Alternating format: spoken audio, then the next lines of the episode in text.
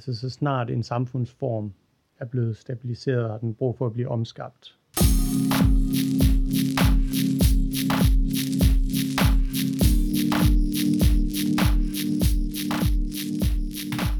Kære lytter, velkommen til Lydskrift, en podcast om filosofi. Lydskrift er en del af Tidsskrift, et magasin for alle landets filosofistuderende, der hver kvartal udgiver artikler om alverdens filosofisk forankrede emner.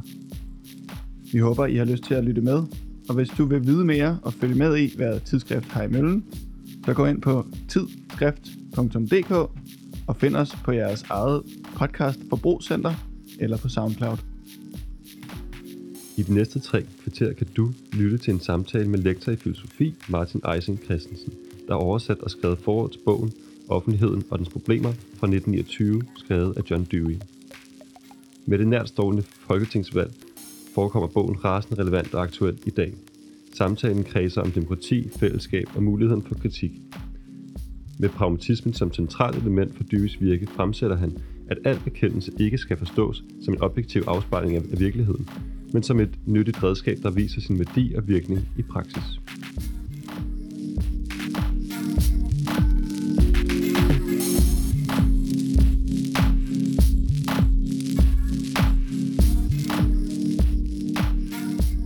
Velkommen til, Martin. Tak. Øhm, først og fremmest øh, vil vi gerne høre dig præsentere lidt om dig selv. Øh, vi ved, at du står i en lidt splittet situation rent øh, arbejdsmæssigt, eller sådan, så det kan være, at der lige er et par ord, du vil knytte til det. Yes, øh, det vil jeg da gerne. Øh, jeg har været ansat her på RUG i, tror jeg, fem år efterhånden, som øh, ekstern lektor, og oprindeligt uddannet i Aarhus. Øh, og jeg er blevet kendt med i historie og filosofi, og bagefter taget en Ph.D. i filosofi. Øh, men så er jeg lige blevet ansat i det etiske råd, sekretariat, øh, som øh, er lige begyndt på deltid, men øh, begynder snart på fuldtid, når semesteret er afsluttet. Dejligt. Øhm, jamen, så går vi egentlig bare i gang med det stykke arbejde, du jo har gjort som oversætter af den her offentlighedens og dens problemer, som er skrevet af John Dewey, som er, man kan sige, aften, eller den her samtales hovedperson, udover dig selvfølgelig. Øhm, og du skriver i indledningen til offentlighedens og dens problemer, at Dewey har den her firestilte øh, struktur, som du fremhæver som sådan øh, bogens centrale øh, projekt, kan man sige. Eller der, det her, han udreder de centrale projekter. Øh, og kan du sådan lige på mere eller mindre kort tid forklare disse? Ja, det kan jeg godt, så vidt jeg husker. Nu er det jo lidt tid siden, jeg har skrevet det, men altså... og det, det er egentlig, altså det er, ikke, det er ikke som sådan, at det er ikke en struktur, der er krystal klar i selve bogen, men det er ligesom en, jeg øh, har frem fortolket, øh, og synes er en, en konstruktiv måde at gå til den på. Men altså, så er det, at, den ene ting, han gør i bogen, er at præsentere sin egen øh, idé, eller sit eget ideal om demokrati.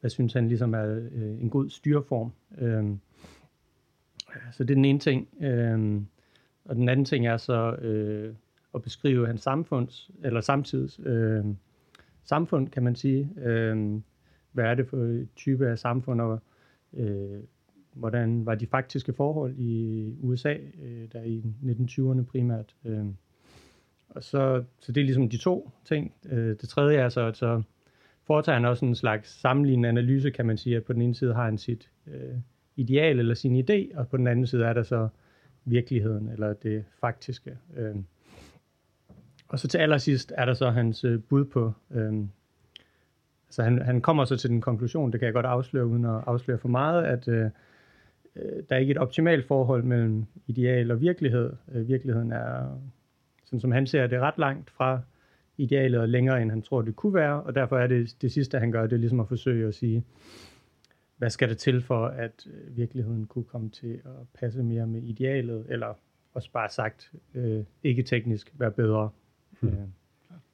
Kan du, kan du komme ind lidt ind på det, også måske i forhold til, hvad, hvad der sker nu Altså, ja. hvad, hvordan samfundet ser ud i dag. Fordi det, du indleder jo introen med at sige, øh, at der er et problem med spindokter, og der er et problem ja. med øh, journalister og, og sådan noget. Altså, ja. det taler han jo også om. Ja, det gør han helt klart. Og det er jo altid lidt svært at tage sådan en historisk tekst, og så, eller det er i hvert fald omdiskuteret, øh, på hvilke vilkår man så kan sammenligne den med nutiden. Men øh, jeg synes stadigvæk, at man øh, i Jews tilfælde, og nok særligt i en amerikansk kontekst, øh, giver det rigtig god mening at sammenligne med nutiden. Altså, så en af hans pointer er jo, at øh, både i forhold til spindoktor, men også i forhold til medierne, så hvem er, hvad er det ligesom for nogle faktorer, der bestemmer, hvad det er, der kommer i medierne, hvem det er, der kommer i medierne osv. Særligt i en amerikansk kontekst, øh, hvis man, jeg er jo ikke ekspert på området, men hvis man bare læser lidt om, øh, hvem det er, der ligesom ejer nogle af medierne, og hvem dermed også langt hen ad vejen bestemmer, hvem der kommer i medierne, om det så er Fox News eller, eller andre ting, så er det, så er det ret åbenlyst, at, øh, at øh, det er nogle helt bestemte personer med nogle helt bestemte interesser, som har en meget stor indflydelse. Og det samme i, i England, altså det er jo ham med Murdoch, som jo ejer, øh, har et kæmpe imperie, ikke? Altså han er, altså, både for Brexit i England, men også for Trump i USA. Han, han jo spillet en helt afgørende rolle for, at uh, det har været muligt. Uh, ja. så, så, det, så det er et sted, hvor jeg tror ikke, altså, at man vil sige på sådan meget generelt niveau, at Jewish analyse også passer i dag. Og Danmark er sådan en lidt anden sag, men uh, der er sikkert også nogle træk, der vil passe her. Ja, det virker til at være en, en, en, et forfatterskab, der har etableret sig meget kraftigt op igennem den særligt socialvidenskabelige og sådan socialfilosofiske øh, tradition med, altså for, som, som du også skriver i din indledning, øh, at Axel Honne for eksempel baserer sig ufattelig meget på det. Mm. Øhm, og der ser man jo også helt klart de her, altså, de samme sådan, de her, hvad skal man sige, offshoring, outsourcing strukturer, som der sker meget lige nu, som, som man på en eller anden måde godt, godt kan fornemme, at han ligesom har, har luret i, altså knap 100 år før nu. Øhm, men jeg synes, det er interessant, det du fremhæver med, at han konkluderer, at der er så langt fra idé til virkeligheden i hans øh, i den her, hvad, hvad man kunne kalde den tredje mm. del der. Øhm, kan du komme lidt ind på det igen? Altså, ja. Altså, tænker, tænker du på, på hvilken måde der er afstand, eller... Ja, ja, ja, på hvilken måde der er afstand, og, og hvorfor der dybest set er afstand, og ja, altså, altså, altså, måske meget konkret, hvor langt der så at sige er. Ja, altså det er jo meget svært. Altså det er jo, altså man kan jo godt sige sådan meget generelt, at der er langt, men altså hvis man skulle sige noget mere om det, så, så skulle det jo, altså så, så vil jeg mene, så skulle det baseres på mere konkrete analyser af konkrete forhold og så videre, men altså kan jo godt sige noget generelt om det, altså sådan som Dewey i hvert fald så det. Øhm, øh, altså hans, hele hans filosofi faktisk er, er inspireret af to egentlig en begivenhed, som han synes er sådan den, den mest skældsættende i moderne samfund, og det er udviklingen af naturvidenskaber, sådan bredt forstået, og så brugen af teknologi, som også er inspireret af, øh, inspireret af naturvidenskabelige udviklinger. Så brugen af teknologi i, øh, i produktion og handel osv. I hans samtid var det, øh, var det tog og dampskibe og telegrafer osv., ikke? Men vi kender jo den udvikling, der er sket siden, om det så med fly eller internet og så videre. Men, men det ser han som den, den sådan allerstørste udvikling i moderne samfund, og dermed også den, som han forstår det, allerstørste øh, sådan årsag til den afstand, der er mellem ideal og virkelighed. Øh, så det er sådan den grundlæggende, altså det der så er i hans analyse er, at det er den her teknologiske udvikling på den ene side, men det er ikke den i sig selv, så han var meget skeptisk over for, altså i hans samtid, ligesom vi også har i dag, er der mange, var der mange teknologikritikere og folk, der så teknologien som sådan, er det onde i sig selv, og det var han meget skeptisk over for. Altså, hans analyse er, at det er de sociale vilkår, som teknologien har udviklet sig under, som er afgørende for det, og, og der fremhæver han sådan, øh, altså han var på ingen måde, eller han var ikke kommunist i sådan en øh, partiforstand, men der fremhæver han sådan den private ejendomsret, at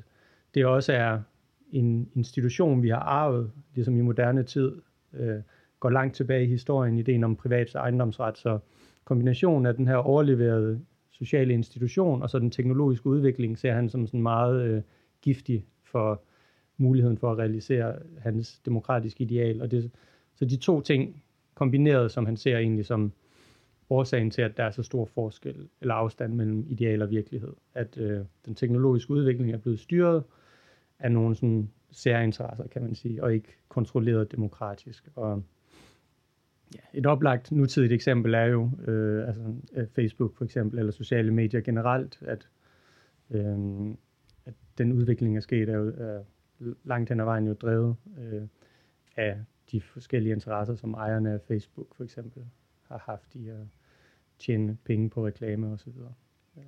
Men altså nu, nu har vi snakket om, hvor det er ligesom, hvad det kommer til på en eller anden måde med Axel Honneth og Brun Latour også, men hvor, altså, hvor kommer hans inspiration fra? Ja. Altså, fordi der, der er jo sådan en klang af socialisme, og der mm. bliver også nævnt anarkister på et tidspunkt i, i indledningen, mm. og Ja. sådan, hvad, hvad indebærer det demokratiske egentlig for ham? Altså det er jo sådan lidt en... Øh, altså på den ene side er det hans nøglebegreb jo, så, så det er det allervigtigste, men tit kan det jo også være det allermest... Øh, jeg ved ikke, om det er det komplicerede, men i hvert fald det altså komplekse. Øh, og hans idé om demokrati, øh, altså demokrati identificerer han med fællesskab, og det er jo sådan ret usædvanligt i en eller anden forstand, og man kunne godt spørge altså med hvilken ret synes han, at han kan tillade sig at identificere demokrati med fællesskab, men altså, det er det, øh, han gør i bogen, øh, og fællesskab mener han egentlig, det er noget, vi kender fra alle mulige sammenhænge, forhåbentlig. Øh, det er jo ikke sikkert, men altså i forskellige grader kender vi det, om det så er fra venskaber eller familie, eller, eller skole eller andre sammenhænge. Øh, og det er sådan en særlig måde at være sammen på, som han forstår det, som er, hvor man ikke primært bare behandler den anden som middel. Det er næsten sådan helt inspireret af, af Kant, kunne man sige, men altså, øh, men den anden også er et mål for mig, men også et mål i sig selv. Øh, og det er den måde at være sammen på, som han, han ligesom betragter som demokrati. Og grunden til, at han, så koblingen til demokrati er, at, at på engelsk, der bruger han så community, øh, men det kobler han meget tæt til communication, sådan så et community er ikke muligt uden communication. Og det er der, han ligesom, tror jeg, langt hen ad vejen får legitimitet til at koble det til demokrati. Ideen er, at øh, alle, næsten alle forbinder demokrati i en eller anden grad med diskussion, samtale, kommunikation. Så det er den ene side af det, og den anden side er, at øh, han også, altså lidt ligesom teknologien er den store, sådan, øh, ikke, ikke, øh, ikke den, øh, øh, den, den onde, men altså den store problematiske udvikling, så ser han også den franske revolution, sådan øh, verdenshistorie som den store håbefulde begivenhed. Og der er der frihed, lighed og broderskab, og der, øh, som er ligesom det slogan, som demokrati i en eller anden forstand øh, lanceres under, i hvert fald af de radikale øh, elementer i revolutionen. Og der tager han så og fremhæver solidaritetsideen som, som den egentlige, og det er derfor, han også skal lægge vægt på fællesskab. Øh, så, så det er sådan hans, kan man sige, sådan idehistoriske begrundelse for det. Og så har han nogle andre inspirationer, sådan rent filosofihistorisk. Øh.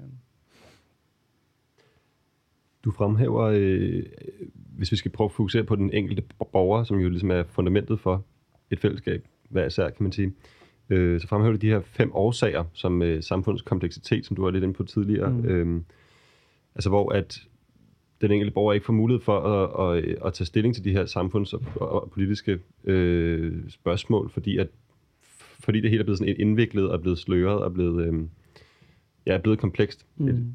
Øh, hvordan forholder han sig til, til dette problem, kan man sige? Ja.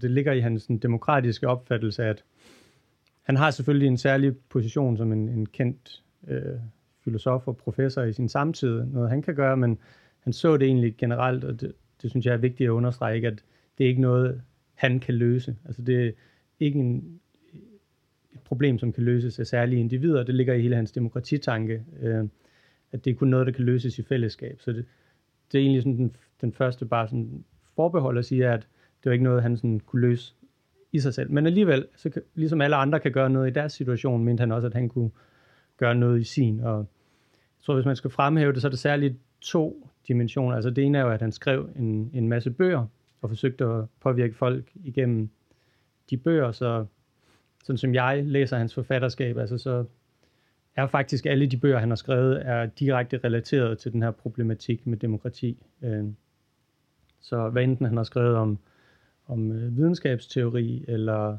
samfundsvidenskaber, eller uddannelse, eller kunst sågar, så handler det i sidste ende alt sammen om den her samme problematik om øh, demokrati forstået som fællesskab. Så det er den ene side af det. Den anden side af det er, at han var øh, praktisk engageret i mange forskellige organisationer med til at oprette dem. Ikke altid sådan, at han spillede hovedrollen, men altså øh, øh, både sådan organisere universitetslærer for eksempel, øh, både sådan filosofer i American Philosophical Association, eller hvad det nu hedder, var han, var han både med til at øh, grundlægge, så vidt jeg har forstået, at være præsident for det samme med Psykologernes Forening, det samme sådan universitetsunderviser generelt, lærer, fordi han underviste øh, lærer med til at organisere i fagforening, øh, med til at grundlægge sådan, øh, det, der hedder New School i, i New York, som er øh, sådan et øh, alternativt universitet. Øh, øh, ja, også været med i en lang række andre ligesom civil samfundsbevægelser, øh, fordi hans analyse af moderne samfund var også var, at som individ kan du ikke ændre noget som helst. Du kan kun ændre noget ved at organisere dig, fordi de moderne samfund er så både komplekse og store, og øh, det er så store kræfter, der er på spil, at, at øh, det er håbløst at tænke, at man kan gøre noget som individ.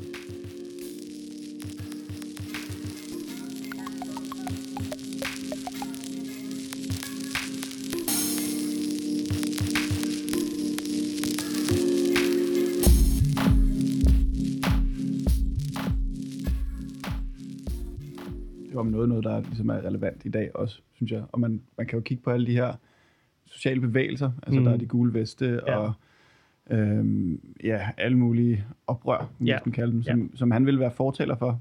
Altså jeg tror helt klart, øhm, altså det er ikke noget, jeg har nærstuderet, fordi der var jo samme type af bevægelser i hans samtid. Ikke? Altså, altså blandt andet, da han, øhm, da han kom til Chicago i 1890'erne. Altså selve dagen, når han kom, var der en kæmpe og meget berømt strejke i USA, hvor der var sådan nogle øh, jernbane øh, eller togarbejdere, som strejkede, øh, og som han var ret begejstret for.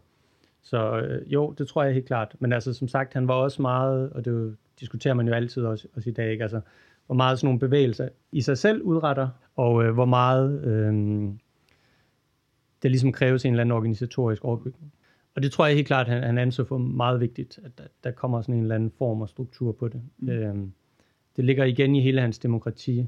Forståelse af, at selvom han egentlig var ret kritisk over for sådan traditionelt repræsentativt demokrati, øh, så er det ikke sådan, at han ville afskaffe det, fordi han, han mente, at det var, altså det var strengt nødvendigt at have repræsentanter.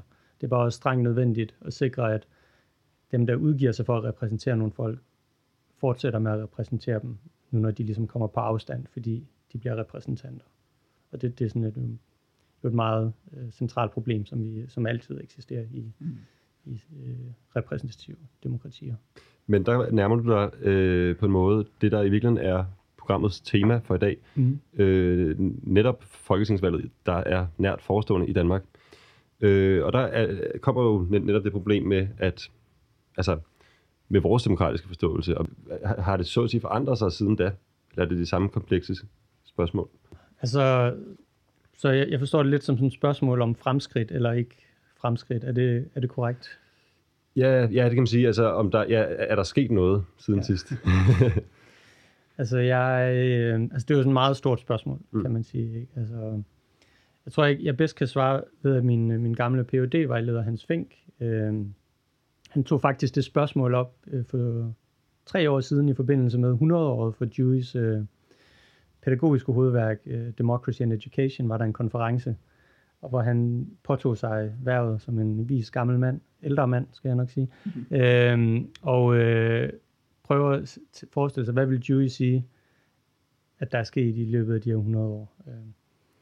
Og hans overordnede konklusioner, som jeg egentlig nok langt hen ad vejen er enig i, at øh, var, at du vil helt klart se, at der er sket en masse væsentlige fremskridt. Øh, altså, hvad enten det i USA er, er sorte for eksempel, eller det er folk med øh, en anden seksuel orientering i Danmark, om det er kvinder eller noget i den stil. Alle de ting ville for jury, øh, tror jeg, repræsenterer demokratiske fremskridt. Øh, så han vil helt klart ikke være en af dem, der sådan ser meget pessimistisk, i hvert fald i forhold til de ting. Vi kan så tale om klima og, øh, og den slags ting, om det er sådan noget, der ligesom neutraliserer alle de andre ting. Og, øh, men øh, i forhold til det vil han i hvert fald nok, øh, hvis man vil give sig ud i sådan en hypotetisk øh, forestillelse, hvad han vil sige, øh, se det som et fremskridt. Øh. Men når det så er sagt, så er der selvfølgelig nogle andre, altså nogle problemer, som stadig eksisterer. Og det er måske også værd at sige, at, at, at hans... Øh, altså i hele hans tænkning, han forestillede sig aldrig, at den idé eller ideal om demokrati, som han udfoldede, blev fuldt realiseret. Altså det var han helt på det klare med, altså det var ikke meningen med det. Øh, Øh, meningen var, at det ligesom kunne guide øh, personer og folk også, øh, når man ser på det konkrete samfund, og så overveje, hvilken retning øh, skulle vi forsøge at bevæge det i. Så på den måde vil der altid være mere, øh, man kan gøre. Altså, demokratiet er aldrig fuldendt i den forstand. Øh, og derfor er det jo også altså, i Danmark øh, rigeligt med ting, øh, man kunne øh, tage fat på øh, øh, i dag stadigvæk, er jeg sikker på, at både han vil sige, og øh, folk, der er sympatisk indstillet over for hans tænkning. Jeg tænker lidt på, altså der er måske sådan en, en øh, altså hvor meget har han været til inspiration, eller ville være til inspiration ja. for en demokratisk bevægelse, og hvor meget har han været fagfilosof, eller ja. man skal sige, fordi han har jo også ja. haft nogle, altså du snakker også om hans meget brede projekter på en eller anden måde. Ja. Så jeg ved ikke, om der er sådan en, to forskellige DU'er. Mm. Altså, jeg, jeg tror, man kan sagtens sige, at som fagfilosof har han ikke haft særlig meget indflydelse. Det er langt de fleste steder, altså, altså enten det er i Danmark eller i andre lande. Nogle siger, at der er sådan en lille opblomstring for tiden. Øh, det er måske sandt. Men altså, han har haft noget indflydelse i USA, men selv der ikke særlig meget. Altså, så, så som fagfilosof øh, kan man sagtens støde på folk, der har læst filosofi og ikke kender til ham. Så øh, der er det med det, at han nok ikke ville være så ked af, at det var sådan, det var. Øh, fordi så har han modsat haft indflydelse ud over filosofien i højere grad end langt de fleste filosofer. Altså hvad enten det er pædagoger, eller, eller samfundsvidenskaber, eller, eller bare praktisk politisk liv. Og det, det tror jeg, altså, han så selv meget kritisk på filosofiens fremtid i sin samtid. Øh, han siger faktisk et sted i offentlighedens problemer, at øh, filosofien er blevet noget af en joke. Øh, og øh, det brugte han rigtig lang tid for at prøve at præsentere et alternativ til, hvad filosofi kunne være, og som han så også, tror jeg, forestillede sig, at han praktiserede i, sin, i sit virke som filosof. Øhm, så på den måde kan du godt sige, at altså, der er en slags splittelse i hvert fald i måden, øhm, han har haft en virkning på. Øhm, men øh, ja. Er du så, altså, følger du ligesom, altså, er du inspireret af Dewey på den måde? Altså, er du ligesom gør, altså, synes du også, filosofi er en joke? Øh, det er jo et, uh, et uh, tricky question, men uh, jeg synes ikke, filosofi som sådan er en joke. Det tror jeg heller ikke, han synes. Altså, der er helt klart et element af polemik i det. Ikke? Altså, han vil gerne bruge sin relativt, trods alt store magt til at prøve at få nogen til at gentænke deres praksis inden for filosofien. Øh, øh, men altså, der er der helt klart, altså, men, og nogle grad er det jo en smagssag, men også en prioriteringssag. Der er der, og det tror jeg alle har, ikke? Altså nogle ting, de synes er vigtigere end andre, selv inden for ting, man ret godt kan lide, som for eksempel filosofi. Og sådan har jeg det da også, at der er nogle former for filosofi, som jeg synes øh, er vigtigere. Øh, og særligt måske i sådan en... Øh, altså jeg kan sagtens forstå, at rigtig mange folk kan synes forskellige, også halvobskure former for filosofi er spændende og interessante osv. Øh, men jeg synes også, man har en forpligtelse til at rejse spørgsmål om de er spændende og interessante for andre end en selv. Øh,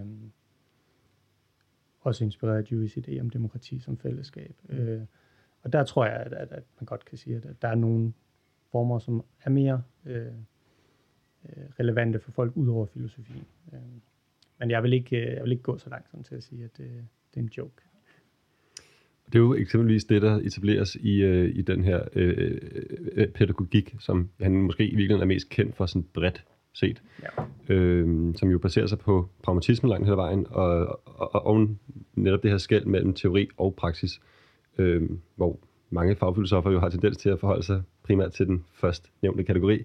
Mm. Øh, så på den måde er fremhæven jo også øh, pragmatismen som sådan didaktisk middel til den kritiske samfundsborger. Øh, men er den kritik, altså er, hvad skal man sige, er, er samfundsborgeren, den kritiske samfundsborger, er det en troet race, eller er det en, øh, altså, hvad man kunne kalde en, en, en samfundsmæssig mangelvare?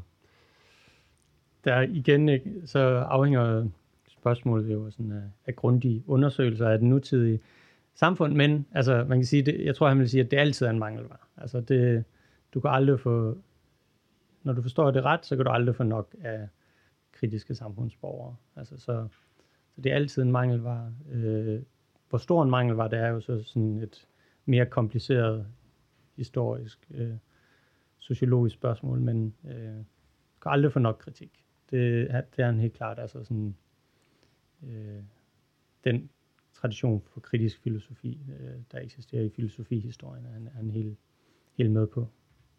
Så det her fællesskab, det ideelle fællesskab, det ideelle demokrati, er afhængig af kritikere, samfunds, altså mm. borgere, der er kritiske, men som aldrig kan blive. Og det er derfor, at altså muligvis en af grundene til, at ideen og virkeligheden er så relativt langt fra hinanden. Mm. Okay. Øhm. Jeg ved ikke, om jeg måske altså, kan tilføje. Ja, meget gerne. Øh, øhm, øh, altså, han har i offentligheden og dens problemer, øh, siger han, at øh, altså, så snart en samfundsform er blevet stabiliseret, har den brug for at blive omskabt. Øh, og så, så han har sådan en idé om, at staten, som han forstår det, sådan hele vores måde at organisere samfundet på, skal hele tiden genskabes. Øh, og den eneste måde, den kan genskabes på, er ved, at der eksisterer kritiske borgere. Øh, så øh, så det, det, det også derfor, at det er så vigtigt for ham, at det er simpelthen altså, direkte indbygget af hans idé om, om sådan demokratisk ideal, at det ikke kan virkelig gøres uden kritiske samfundsborgere, øh, fordi ellers øh, størkner samfundet, og så øh, bevæger det sig langsomt længere og længere væk fra idé om øh, et vellykket samfund. Det er en rimelig radikal anden måde at forstå demokrati på, end politikerne gør. Altså, jeg synes, der er en meget ja. Status quo-agtig tilgang til demokrati, når man taler om det. Meget sådan, nu er det lidt kritisk, men en forstokket forståelse, fordi der er jo ikke nogen af dem, der sidder og styrer tingene, der vil lave om på det, tænker jeg. Eller kommenterer han på det? Mm.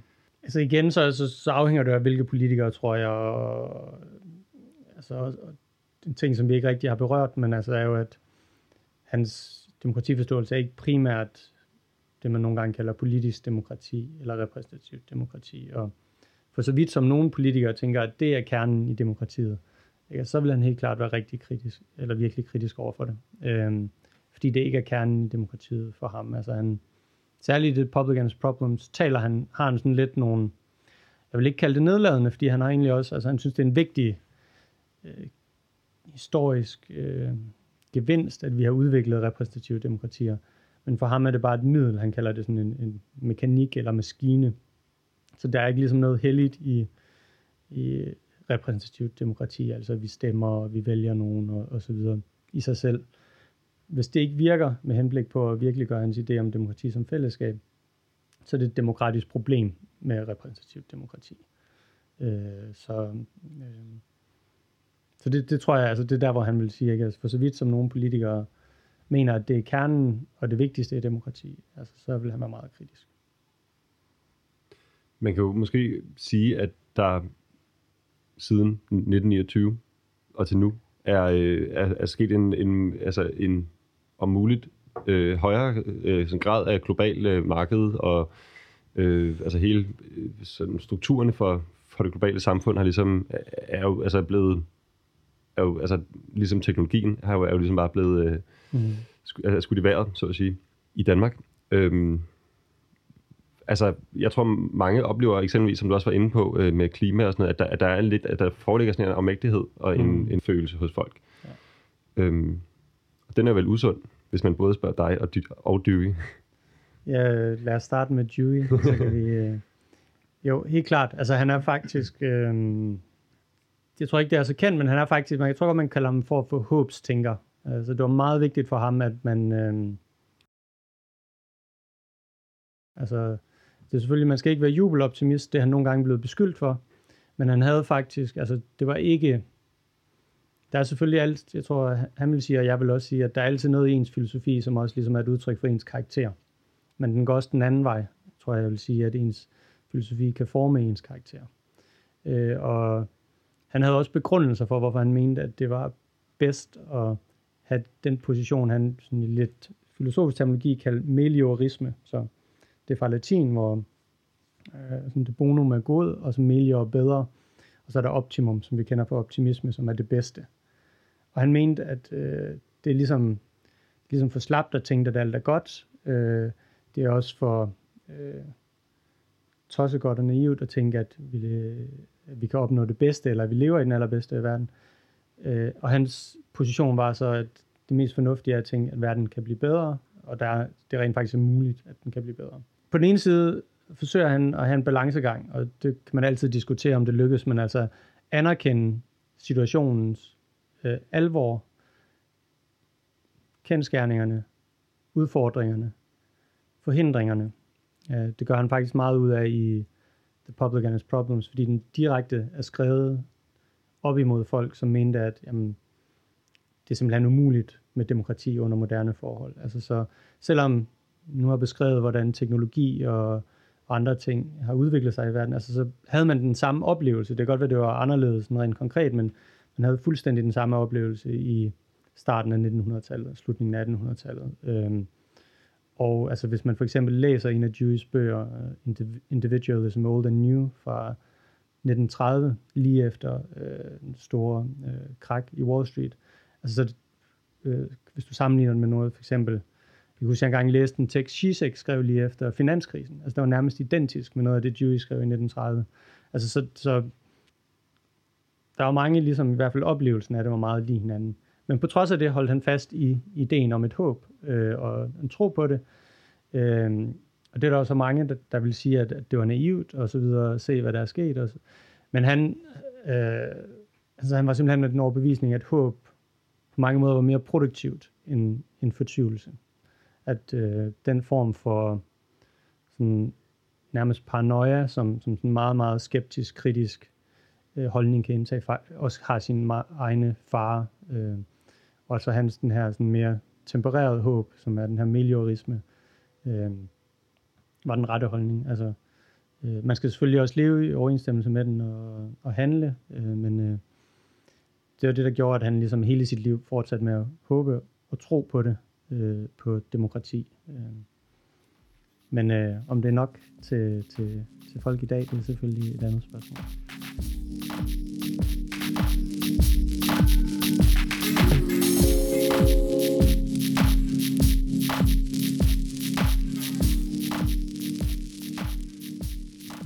Den her øh, journalistiske ting, altså hvis vi taler om sensationsjournalistik mm. Og medievirkeligheden som, ja. Som et problem for Dewey, Ja. øh, så kan man måske spørge om, altså hvordan tager han fat i det? Fordi der er jo en, en relativ forskroning af virkeligheden.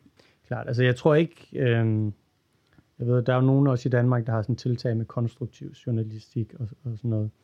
Øh, det vil han sikkert ikke have noget imod, altså, men jeg tror heller ikke, altså det er ikke sådan, jeg forestiller mig ikke, og jeg, personligt har jeg i hvert fald ikke sådan, altså jeg ser ikke nogen grund til, at, at journalister skal holde, op med at være kritiske, apropos det vi talte om før med, med en kritisk øh, befolkning, inklusiv pressen. Altså det kan man næppe få nok af. Øh, så, men, men det er da helt klart, at, at i hvert fald i nogle tilfælde ikke øh, kan øh, sådan en forskruet virkelighed, hvor det kun er øh, fokus på fare og, og ulykker og så videre. Ikke? Altså give folk et, et, øh, et skævt billede af virkeligheden, og dermed altså, producere mere frygt og måske apati og ligegyldighed videre, end der strengt taget er belæg for.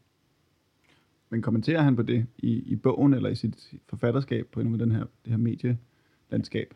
Han kommen- kommenterer på medielandskabet, ikke direkte i forhold til frygt, men altså i forhold til øh, altså måden medierne er med til at øh, pacificere borgerne, kan man sige. Ikke? Altså, hvis man vil sige det hårdt. Altså, han er helt med på, at alle skal have tid til at have det sjovt og så videre.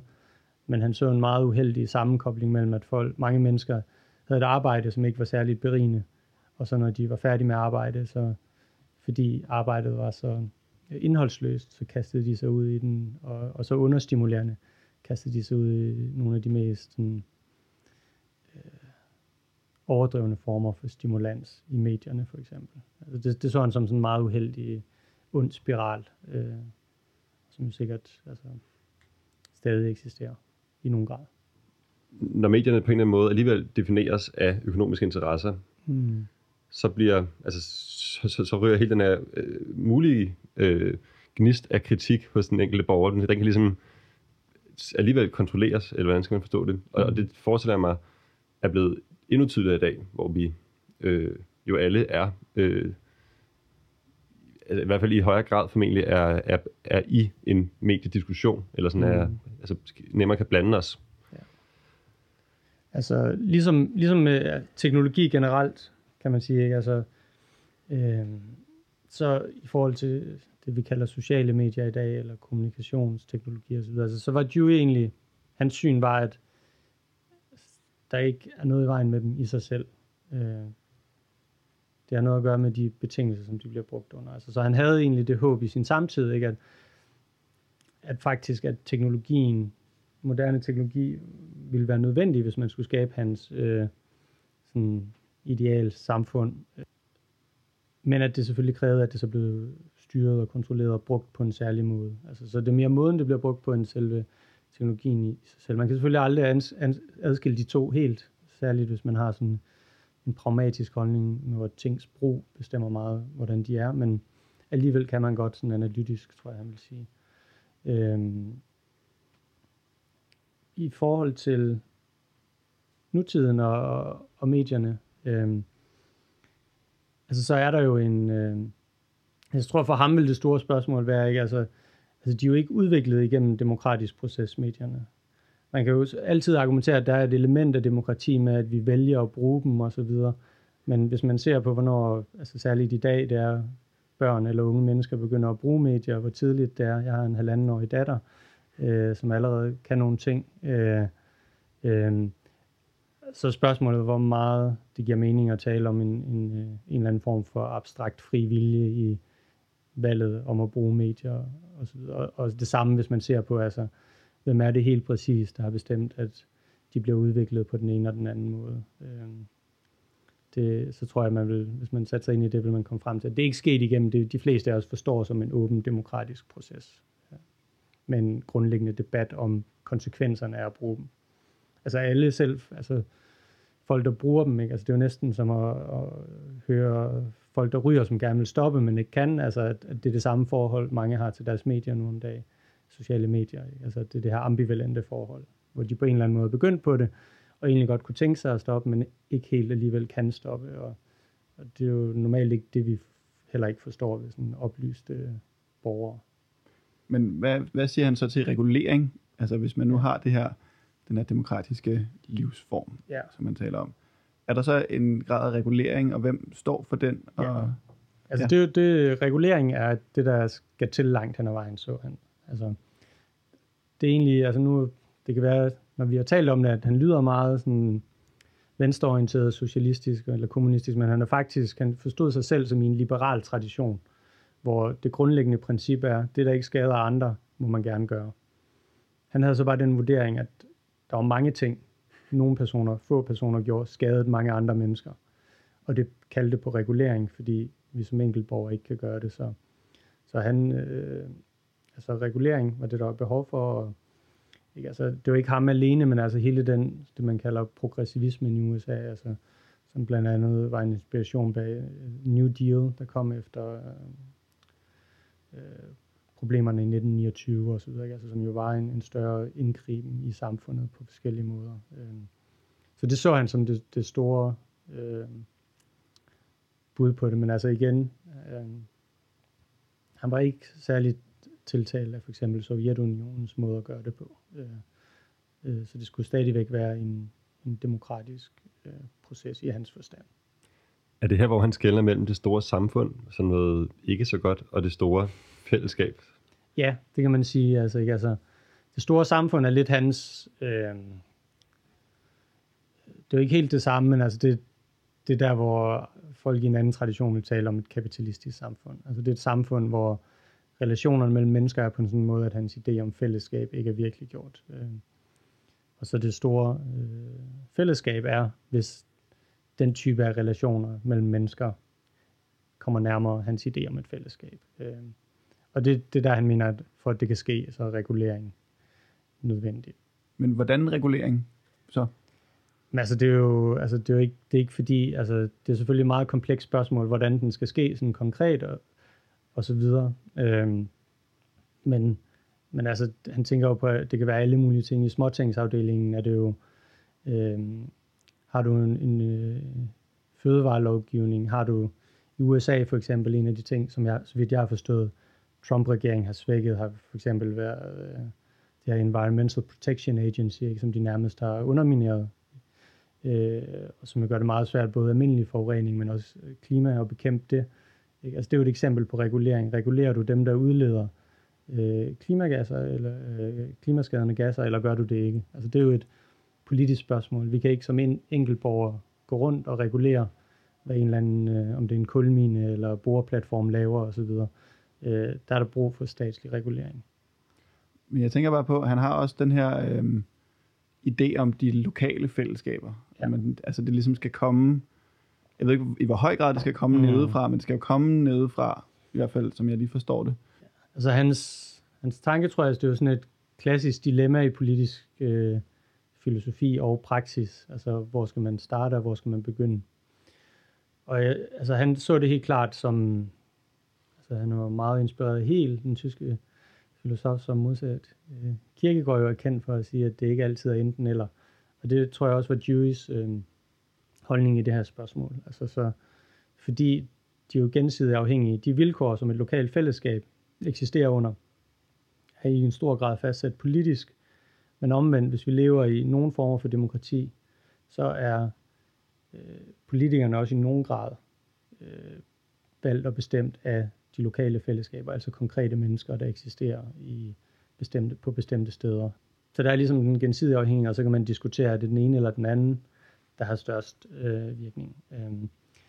I forhold til en ændring, så tror jeg, altså sådan som han så det, og jeg ved ikke, om det der I gerne vil hen. Altså, så var der jo i samtiden, var der nogen, der argumenterede øh, kraftigt for en eller anden form for revolution. Øh, voldelig, ikke voldelig, det ved jeg ikke. Men altså, det var jo ligesom et konkret alternativ. Det var sket i Rusland og andre steder. Der var øh, kommunister, øh, der argumenterede for det i USA også. Og han, Dewey hørte så til den sådan ikke-kommunistiske venstrefløj, kan man vel godt kalde det.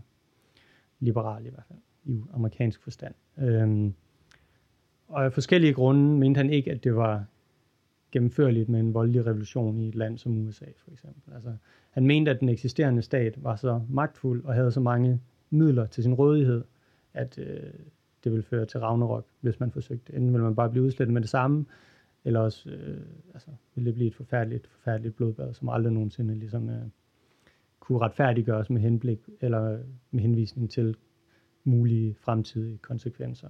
Så det var egentlig hans analyse, ikke? Altså, at han kunne godt forstå, at folk kunne have håbet og troen om, at man kunne relativt hurtigt løse problemet, men det mente han ikke var muligt, og heller ikke ønskeligt ud fra vurdering af konsekvenserne. Så det var derfor, at han ligesom, altså han mente, at det skulle ske af demokratisk vej, både parlamentarisk, men også i hans den her betydning af demokrati som fællesskab. Så det handler om at organisere mennesker altså, og som sagt, hvad enten det så er ham som universitetsunderviser, der organiserede forskellige folk og tog den demokratiske diskussion i de organisationer, øh, eller det var andre folk, som i USA er der jo sådan en tradition for noget, man kalder community organizing, som handler om at organisere, altså ikke direkte udsprunget fra Jewish tanker, men alligevel beslægtet med det, altså organisere lokale befolkninger. Øh, og så kan det jo blive, altså ligesom vi også ser hver gang, der øh, valg i USA. Ikke? Altså, altså, det er jo en helt anden øh,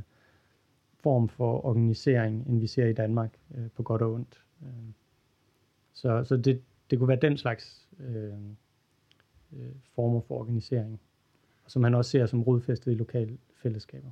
Jeg kommer til at tænke på, at, at det lyder jo meget pragmatisk på en eller anden måde. Det har vi jo ikke rigtig talt om. Altså, du som pragmatiker, mm.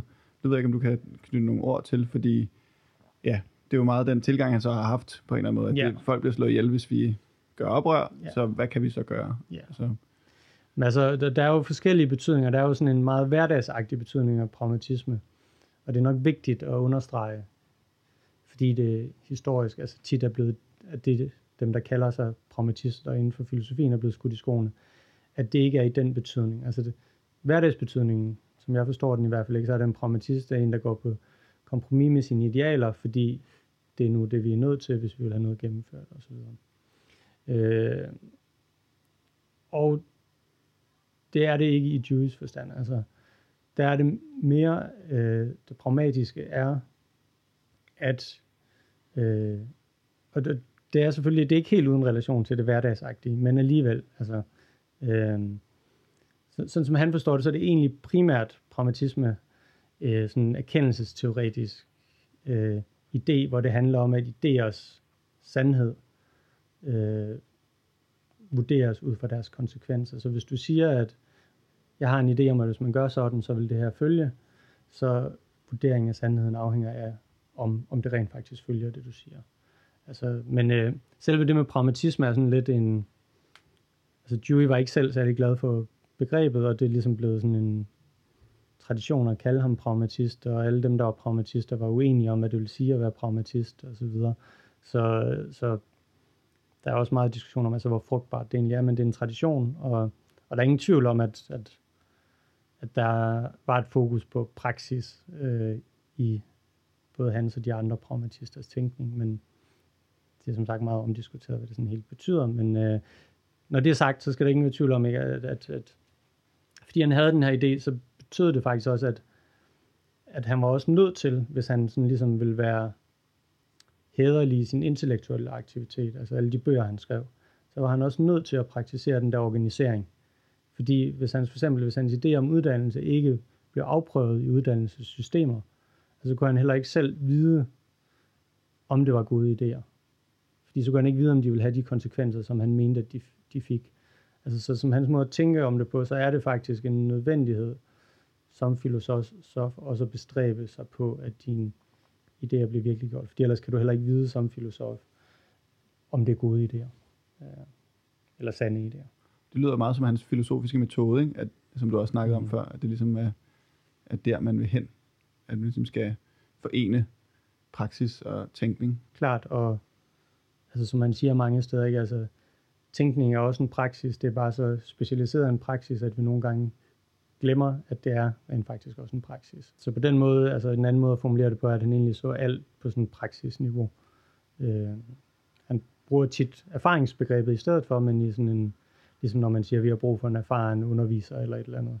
Altså så det er en underviser, som har været, som har praktisk erfaring med at undervise, og det er det, det, det betyder. Øhm, øh, så jo, det er, det er ligesom altså, i drivkraften bag hans filosofi. Hvis man skulle slutte af, øh, måske, eller nærme sig, altså så, så er den højeste værdi er den her idé om, om fællesskab i hans tænkning, hvis der er en højeste værdi. Han er skeptisk over for ideen om den højeste værdi sådan, til alle tider, men hvis man skulle, der hvor han var på den tid, fremhæve noget, der kunne give retning, så mente han, det var den her idé om et fællesskab. Men det er egentlig, altså man kan jo godt beskrive det som en idé og skrive det ned i en bog, men i sidste ende er det noget, man har oplevet i praksis. Altså det, hvis man ikke har oplevet, hvad det vil sige at være i sådan en form for fællesskab, så vil man heller aldrig nogensinde kunne forstå Jewish idé om det, sandsynligvis. Eller har oplevet det i nogen grad. Øhm, så i sidste ende, både for at forstå ideen, men også det ideen ligesom er til for, er at fremme den her form for måde at være sammen med andre mennesker på, som han anså for meget værdifuld. Tak skal du have, Martin. Det var en fornøjelse at snakke med dig. Selv tak.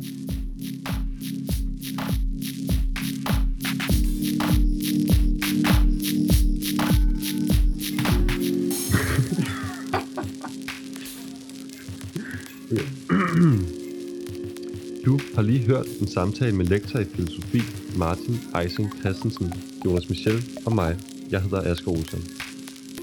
Musikken er lavet af Magnus Johansen. Mange tak fordi du lyttede med.